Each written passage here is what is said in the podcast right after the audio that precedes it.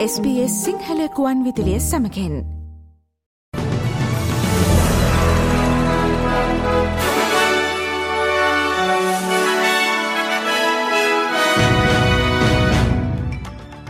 අද සැප්තැම්බර් මස දහ නවවනදා අඟහරුවාදා SBS සිංහල සේවේ ප්‍රෘතිගෙනන මම මදුරසන විරත්න. ඔස්ට්‍රේලියාවේ න්‍යෂ්ටික බලය සඳහා කෙරෙන ඉල්ලි මර්ධනය කිරීමේ උත්සාහයක් ලෙස මධ්‍යම රජය ඒ සම්බන්ධ නව දත්ත නිකුත් කරතිබේ. ඔස්ට්‍රලියාවේ දැනට පවතින ගල්ලඟුරු බලාගාර වෙනුවට න්‍යෂ්ටික බලශක්ති ඒදවීමේ පිරිවැය ඩොල බිලියන තුන්සියාසූ හතක් ලෙස ගණන් බලා ඇති බව එම සංඛ්‍යාලයකන පෙන්වාදේ. න්‍යෂ්ටික බලය ලාබදායි මෙන්ම වඩා විශ්වාසදායක පපත් ඔස්ට්‍රලයාාවේ බලශක්ති මිශ්‍රණයට න්‍යෂ්ටික බලය ඇතුළත් කිරීම කාබන් විමෝචන ඉලක්ක සපුරාලීමට ඇති එකම ක්‍රමය බවත් පෙඩල් විපක්ෂනායක පීට ඩටන් පැවසීය. If you look at what's happening in Canada, where 60% uh, of their energy source comes from nuclear, they pay half the electricity price that we do here.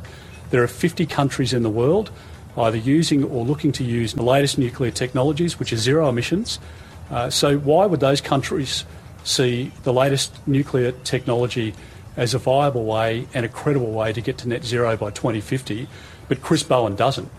නමුත් අනාගත බලශක්ති උත්පාදනයේ ලාබදායිම ඉදිරිමාවත පුනර්ජනනය බලශක්තිය බව මධ්‍යපරජයේ බලශක්තිය අමාත්‍ය ක්‍රිස්බෝවෙන් අවධාරණය කළේය. They say their answer is nuclear. They think the answer is to put the most expensive form of power available into our grid. When we have no nuclear industry, We have no regulations in place. It would cost even more than it's facing in other countries, and around the world, it's facing cost blowouts and time blowouts. Qatar ගුවන් සේවය දැනට ඔස්ට්‍රලියාව සමඟ ක්‍රියාත්මක කරන සතිපතා ගුවන් ගමන් වාර විසි අට දෙගුණ කිරීමට කළ ඉල්ලීම ඔස්ට්‍රලයානු මධ්‍යම රජය ප්‍රතික්ෂේප කිරීම සම්බන්ධයෙන් සෙනට් විමර්ශනයක් අද ආරම්භ කරේ. ඔස්ට්‍රලයාාවේ දීපාර්ශික ගුවන් සේවා ගිවිසුම් පිළිබඳ කමිටුව විසින් විමර්ශනය කරනු ලබන ගැටලු අතර ගුවන්ගමන් මිල ගුවන් සේවා තරඟකාරිත්වය සහ පාරිභෝගික අයිතිවාසිකම්ද වන බව සඳහන්. වාර්තාගත හිටවේ වහෙවත් තාපතරංග ඔස්ට්‍රලයාාවේ ප්‍රාන්ත කිහිපයක් පුරා අකණ්ඩව පවතින බැවින් හදිසි සේවා සීරුවෙන් තබයි. අදාළ කලාපොල සෙල්සිස් තිහට ආසන්නගේකට උෂ්නත්තේ ඉහළ ගොස් ඇති අතර ගිනිනිවන බටයින් විසින් ලැවගිනි කිහිපයක් පාලනය කිරීමට සටන් කරමින් සිටියේ.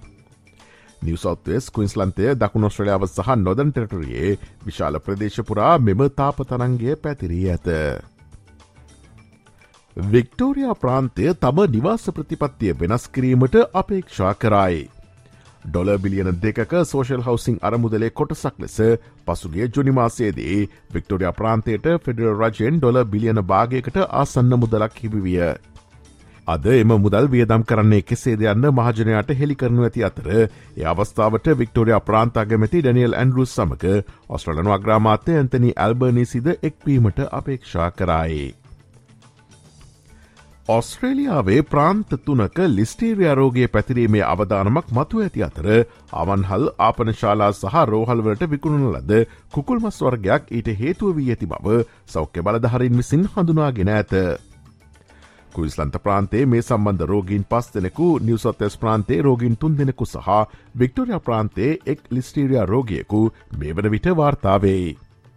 එම්මන්ජේ චිකන්ස් යන සන්නාමේ යටතේ පැමිණෙන පහසුවෙන් ආහාරයට ගත හැකි බ්‍රෙස් ෆිලට් මේ සඳහා හේතුකාරකය වී ඇතැයි කුරුසලන්ත ප්‍රධාන වෛද්‍යනිලධාරී ජෝන් ජෙරාඩ් පැවසීය. ශ්‍ර ලංකාවෙන් වාර්තාාවන පුවත් අද වැඩස්්‍රහණය මෞබිමින් පුවත් විශේෂන්ගෙන් බලාපොරොත්තුවන්න. රුසියාව යුක්්‍රේණය ආක්‍රමණය කිරීම බෝල්ටික් මුහුදේ නේටෝ අභ්‍යහසවලට උත්තේජනයක් සපයා තිබේ. බෝල්ටික් කලාපේ සියලුම නේටෝ සාමාජිකයන්ගෙන් නැවතිහක් සහ තුන්දහසකට වැඩි පිරිසක් මෙම අභ්‍යාස සඳහා සහභාගීවේ. ශ්‍රී ලංකා ක්‍රිකට් කණ්ඩායමේ එදා මෙදා තුර සුපිරි දිරිගන්වන්නා වන පර්සි අබේසේකර මහතා වෙත ශ්‍ර ලංකා ක්‍රිකට් ආයතනය රුපියල් මිලියන පහක මුදල්දීමනාවක් ඒ පරිත්‍යාග කළේය. ශ්‍ර ලංකා ක්‍රිකට ආයතනයේ ලේකම් මොහන්ද සිල්ලා මහතා විසින් ඊට අදාළ චෙක් පත පර්සි අබේසෙකර මහතා වෙත ලබා දුන්නේය.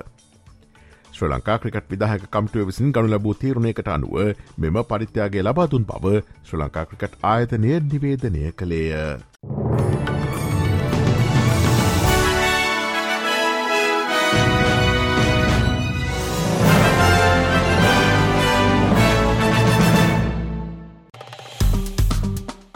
ලයි කරන්න ෂයා කරන්න අදහස් ප්‍රකාශ කරන්න SBS සිංහල ෆස්බුක් පිටුව ෆලෝ කරන්න.